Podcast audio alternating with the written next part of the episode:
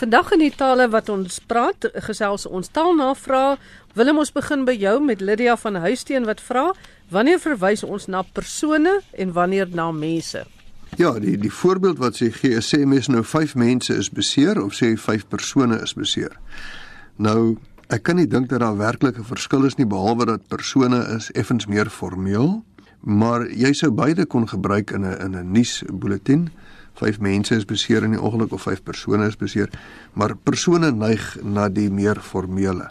'n Persoon is meer gelyk aan 'n individu. Jy sal sê 'n fooi van R5 per persoon of R5 per individu is betaalbaar. Jy sê nie 'n fooi van R5 per mens nie.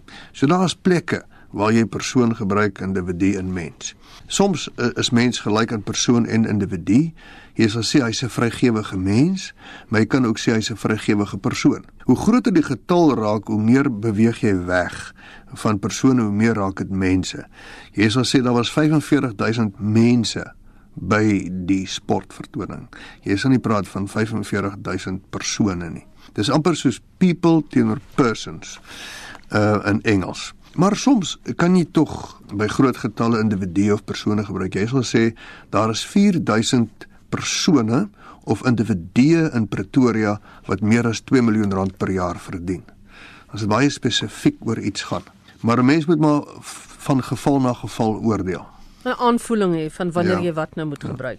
Frikkie, Piet wil weet waarom die woord die grootliks deur die woord jou vervang is. Nou waarna hy hier verwys is wanneer daar op radio en televisie gesê word hier is jou nuus in plaas van hier is die nuus of hier is jou weervoorspelling in plaas van die weervoorspelling of hier is jou musiekprogram. Vertel jy vir ons 'n bietjie hier oor die jou en die die. Ja, dit lyk vir my het dit uh, Piet het dit ook oor so iets soos 2 uur het ons uh, vir jou nog sake nuus in plaas van dan nou 2 uur is daar nog sake nuus of 2 uur het ons uh, dalk vir u nog sake nuus die die soort van ding ek sou dit so aanvaar ek het bietjie gedink oor die saak en toe maar ook 'n uh, bietjie ruggespraak gevoer met kollegas uh, maar my eie gevoel aan die begin was en jy kan sê, uh, maar sê of dit min of meer in die kolles Magdalene is dat dit waarskynlik is om 'n soort familiariteit of intimiteit te skep Ek weet nie of dit die geval is nie, maar van die mense wat ek geraadpleeg het, sê dit irriteer hulle. Uh hulle voel Afrikaans word soms bietjie verplat deur alles so familier te maak. En iemand het spesifiek gesê hy vind dit tog wel vreemd as jy sê maar met 'n regter praat of 'n senior professor en jy spreek hom nou aan as professor, wat dink jy van dit, dit is asof daar iets net nie lekker klop nie iemand het ook gesê uh dit is van vreemd as hulle dan nou praat van jou nuus asof dit jou persoonlike nuus is, my nuus as dit ware terwyl dit die hele land geld. Dan net nog 'n stertjie navorsing waaroor professor uh, Anel Otto en dokter Nerina Bosman wat hulle gedoen het oor die gebruik van aanspreekforme in die land het onder andere bevind dat anders as wat 'n mens dink of vermoed is die aanspreekvorm, die beleefde aanspreekvorm u is nog blykbaar gesond en springlewendig in die Afrikaanse spraakgemeenskap. Maar ek hoor graag wat wat uh, hoekom dit so is dat daar gepraat word van hier's jou weer of hier's jou nuusprogram of wat ook al die geval mag wees. Frikkie, wie vra die vraag, ek of jy? okay, maar jy moet nou maar bietjie, jy moet nou maar bietjie ehm um, as dit ware hier die oplossing vir ons gee. Ek gaan sê, ek dink die die u in en jou debat is is wat die radio betref lankal verby. Ons het ehm um, klarigheid by onsself en ons het 'n stylgids waarvolgens ons dit gebruik. Ons sê byvoorbeeld professor jy. Eers die die uh, meer formele vorm dokter of professor of minister en dan gaan ons nou na jy toe. Maar as ek nou kan sê oor die jy's heeltemal reg met die uh, uh wanneer ons sê jou weer. Kyk, ons het hmm. ook 'n gesprek gehad paar jaar terug daaroor toe hierdie ding kop uitgesteek het en ons ja. het besluit dit maak nie saak nie. Jy kan sê of die weer of jou weer, maar in radio oor al die ehm um, dekades al is dit sodat jy word jy geleer jy praat met 'n individu Jy moet praat asof jy met een enkele persoon praat. Hmm. Dis 'n persoonlike medium. En dit is waar daai jou ook vandaan kom, soos jy genoem het die intimiteit. Hmm. Intimiteit. Intimiteit, ja. So so dit gaan daaroor dat ek praat met die individu as ek as ek nou die weervoorspelling lees, dan sit jy in jou huis en ek praat met jou en ek Ja. sê hierso is jou weer nou. So dit is maar waar vandaan kom, maar ons kloof nie meer hare Hmm. daaroor nie. Goed. Klein maar daai ding is is baie wyd. Ek meen as mense iets demonstreer, dan neem jy jou meel en dan voeg jy jou rosientjies by. En dan kry jy jou mengbak, maar dit is nie jou bak, is niemand se bakke nie, net maar die ateljee se bakke of die konsert se bakke of die bazaar se bakke. Dit is 'n absolute mode om alles te verpersoonlik. Jy rasper nou jou eie en dan vat jy nou jou kaas en jy gooi dit. Presies. by. En dis nie jou nie, dis nie myne Interessant nie. dat jy dit Ja, nou 'n bietjie ja. weier trek. Willem Pieter Loupse vra wat is 'n goeie Afrikaanse woord vir die Engelse mind? Hy sê dit is nie verstand of intelligensie nie en dit is iets anders as bewussyn. Pieter, baie dankie. Dis 'n baie moeilike vraag. Jy het nou ongelukkig nie vir my 'n voorbeeld gegee van die gebruik van mind eh, waar dit nou verteenwoordigend is van iemand nie, wat dit jou hele eie self omskryf nie. Kan 'n mens sê it's all in the mind of great minds think alike? Is dit nie in daardie sin nie? Dalk.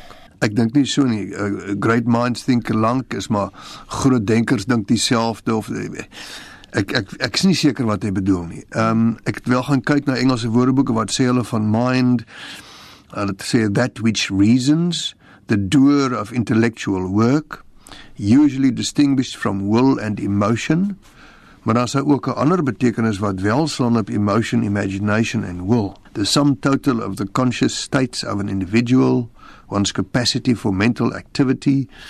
Hy sê dit is nie verstand nie, dit is nie intellek nie, dit is nie gemoed nie.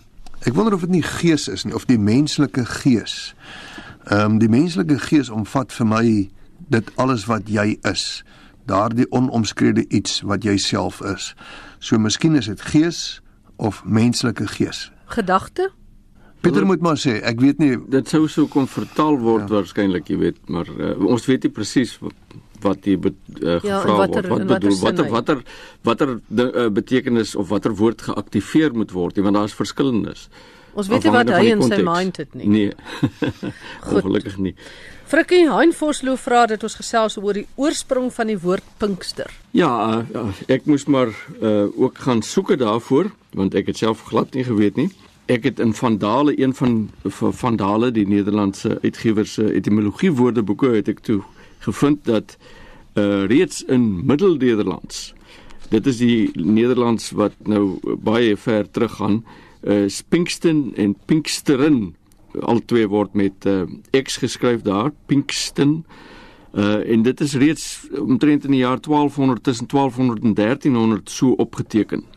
In uh Nederlands ken natuurlik Pinkster en dan skryf ons dit uh net soos wat ons dit in Afrikaans spel, maar hulle ken ook veral Pinksterin wat ons nou nie ken nie. Uh en ek moet tog daarop wys dat mense dit uh, uitspreek waarskynlik as Pinkster, maar dit word Pinkster word dit uh, geskryf. Hierdie Pinksterin was van die Nederlanders was dan die sogenaamde fees ook van die eerstelinge. So die Nederlands ken dit en ons het dit by hulle gekry. Die Engels kom waarskynlik uit Latyn uit want dit die Latyn was Pentekost en hulle het dit van die Grieke gekry. Die Grieke het gepraat van Pentekoste Hemera. Nou dit was natuurlik letterlik die 50ste dag na Pasen. Die Nederlanders het ook 'n stoute uitdrukking Pinksteren en Pasen laten sien. En dit is om jou alles te laat sien. Willem Johan van der Kolf vra waar die woord hoofvaardig vandaan kom en hy vind dit vreemd dat dit nog in die 1983 vertaling van die Afrikaanse Bybel voorkom. Ja, Johan, hoogvaardig beteken natuurlik hoogmoedig, eerstens aanmatigend, verwaand. Ons kry dit uit Nederlands en dit gaan terug na Middelnederlands, die Nederlands van die middeleeue waar hoofvaart trots of oormoed beteken het en dit is gevorm uit ho wat hoog beteken en varen wat beteken om te perd of met 'n water ry. Nou hierdie naam of hierdie woord verwys dan dan waarskynlik na die verskynsel dat diegene wat te perd ry of met 'n wa ry half neerkyk op ander mense omdat hulle van 'n hoër status is en hulle was soms dan of waarskynlik aanmatigend verwaand of hoogmoedig. So hulle kyk as dit ware uit die hoogte op ander mense vanaf die perd of die wa. Ons het baie mooi aanhalinge in die WAT met hoofvaardig. Sy kordaat snorretjie beklemtoon die hoofvaardige byna siniese trek op sy smal gesig. En dis van F.A. Venter. Van Wyk Lou het gesê: "Laat ons nie hoofvaardig wees in geestelike dinge nie." Ehm um, Johan kon nie onthou waar in die Bybel hy dit gelees het nie en ek het in die Bybelkonkordansie gaan kyk en die konkordansie wat ek geraadpleeg het, het nie die woord hoofvaardig bevat nie. So ek kon nie nou navors wat gebeur het met hoofvaardig deur die jare deur die verskillende Bybelvertalings nie. Maar dit dit verbaas my ook ehm um, dat dit in 1983 'n vertaling is. Volgens die konkordansie is daar net voorbeelde van hoogmoedig uh, in die Bybel op die oomblik. Ek gebruik nogal die woord hoofvaardig baie.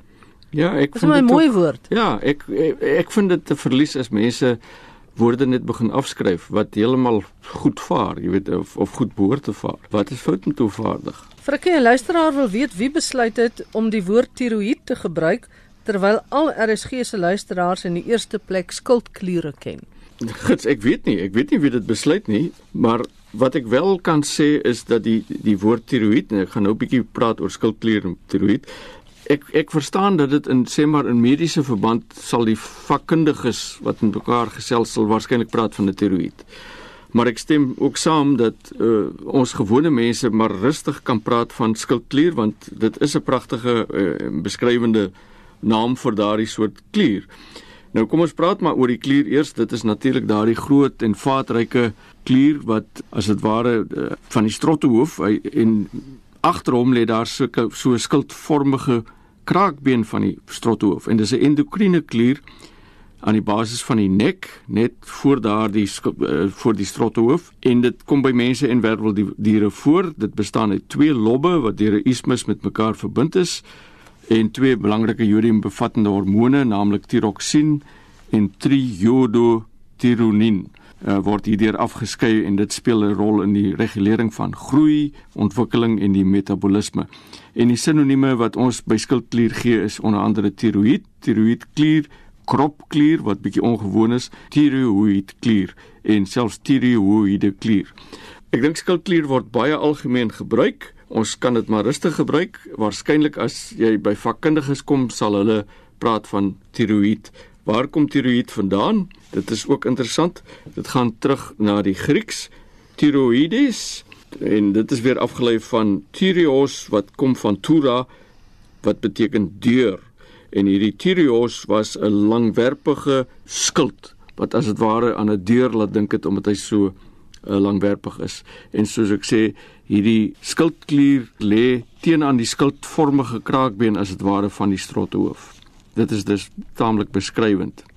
Ja, ek dink die luisteraar vra hierdie na aanleiding van die gebruik van die woord tiroïed in die mediese program. O, goed, ja, maar dan dit, verstaan ek, jy weet dit is medisy sal waarskynlik so praat. Ja. Goed, ehm um, Willem Mike Purchase is ontevrede oor die nuwe Afrikaanse spelreël waar volgens byvoeglike naamwoorde en selfstandige naamwoorde as een woord geskryf word. Baie dankie Mike vir jou belangstelling.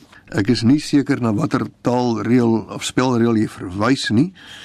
Dit gebeur soms dat 'n byvoeglike naamwoord en 'n selfstandige naamwoord vasgeskryf word, maar dan is daar 'n spesifieke rede voor. Ons praat byvoorbeeld van 'n suur lemoen, dis 'n lemoen wat suur is, maar dan 'n suurlemoen wat dan nou in Engels 'n lemon is, word as een woord geskryf, want is verskillende dinge. Rooi koeldrank is twee woorde, maar rooi wyn is een woord want dit is 'n soort wyn dit is uh, tot 'n een eenheid gegroei.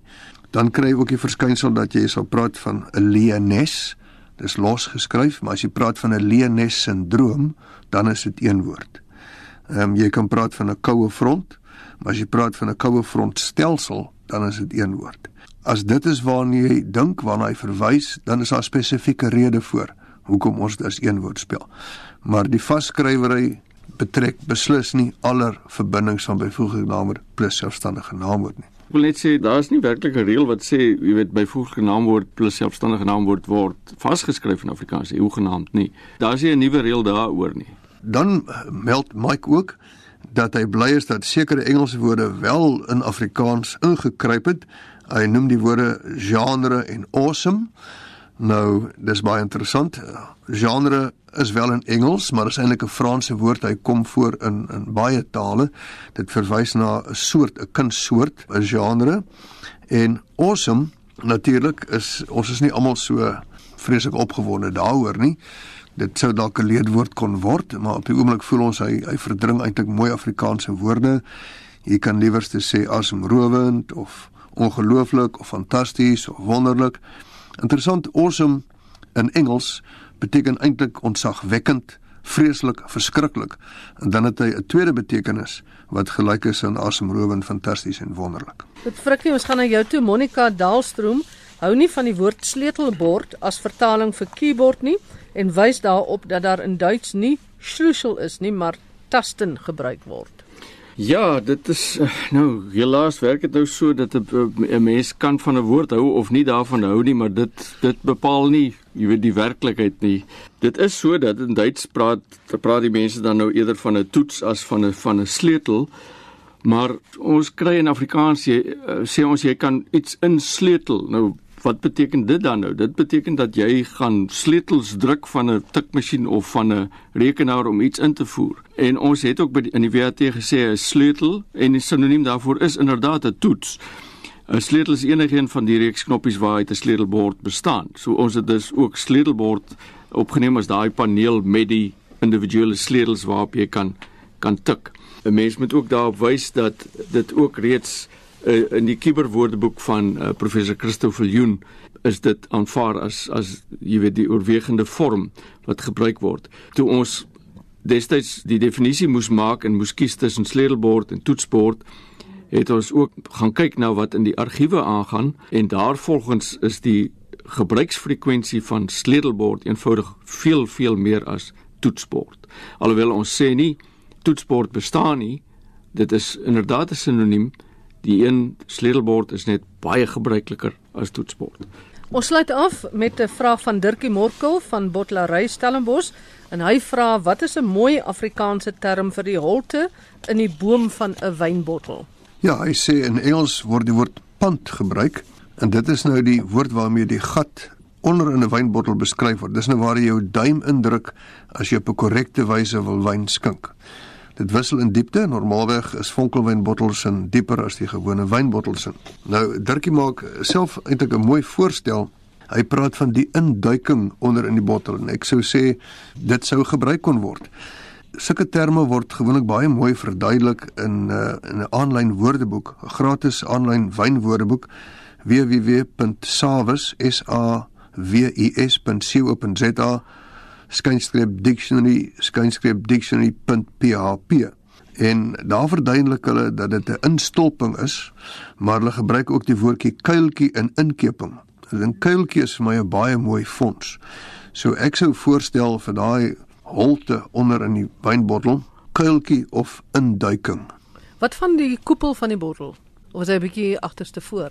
Dit is bietjie agterste ja. voor daai, hoor. Hierdie bottel het regop staan en jy kyk hom van onder 'n glastafel, dan sit 'n koepel. Dit is dit is alles 'n kwessie van perspektief. Ja, ek verstaan wat jy bedoel. Maar ek hou nogal baie van die woorde wat jy nou gegee het. Dis my miskien kan die wynboere en die mense in die wynbedryf begin om dit te gebruik. Ja. Alhoewel dit lyk my die wynbedryf begin ook alles wat Afrikaans is vir alles Engels. Engels, Engels, die, Engels, alles Engels. Die labels en alles. So ja. ons kyk maar wat gaan gebeur. Ja. Baie dankie vir julle deelname weer vandag, Dr. Frikkie Lombard en Dr. Willem Botha en ek is Magdalene Kreur wat groet tot 'n volgende keer.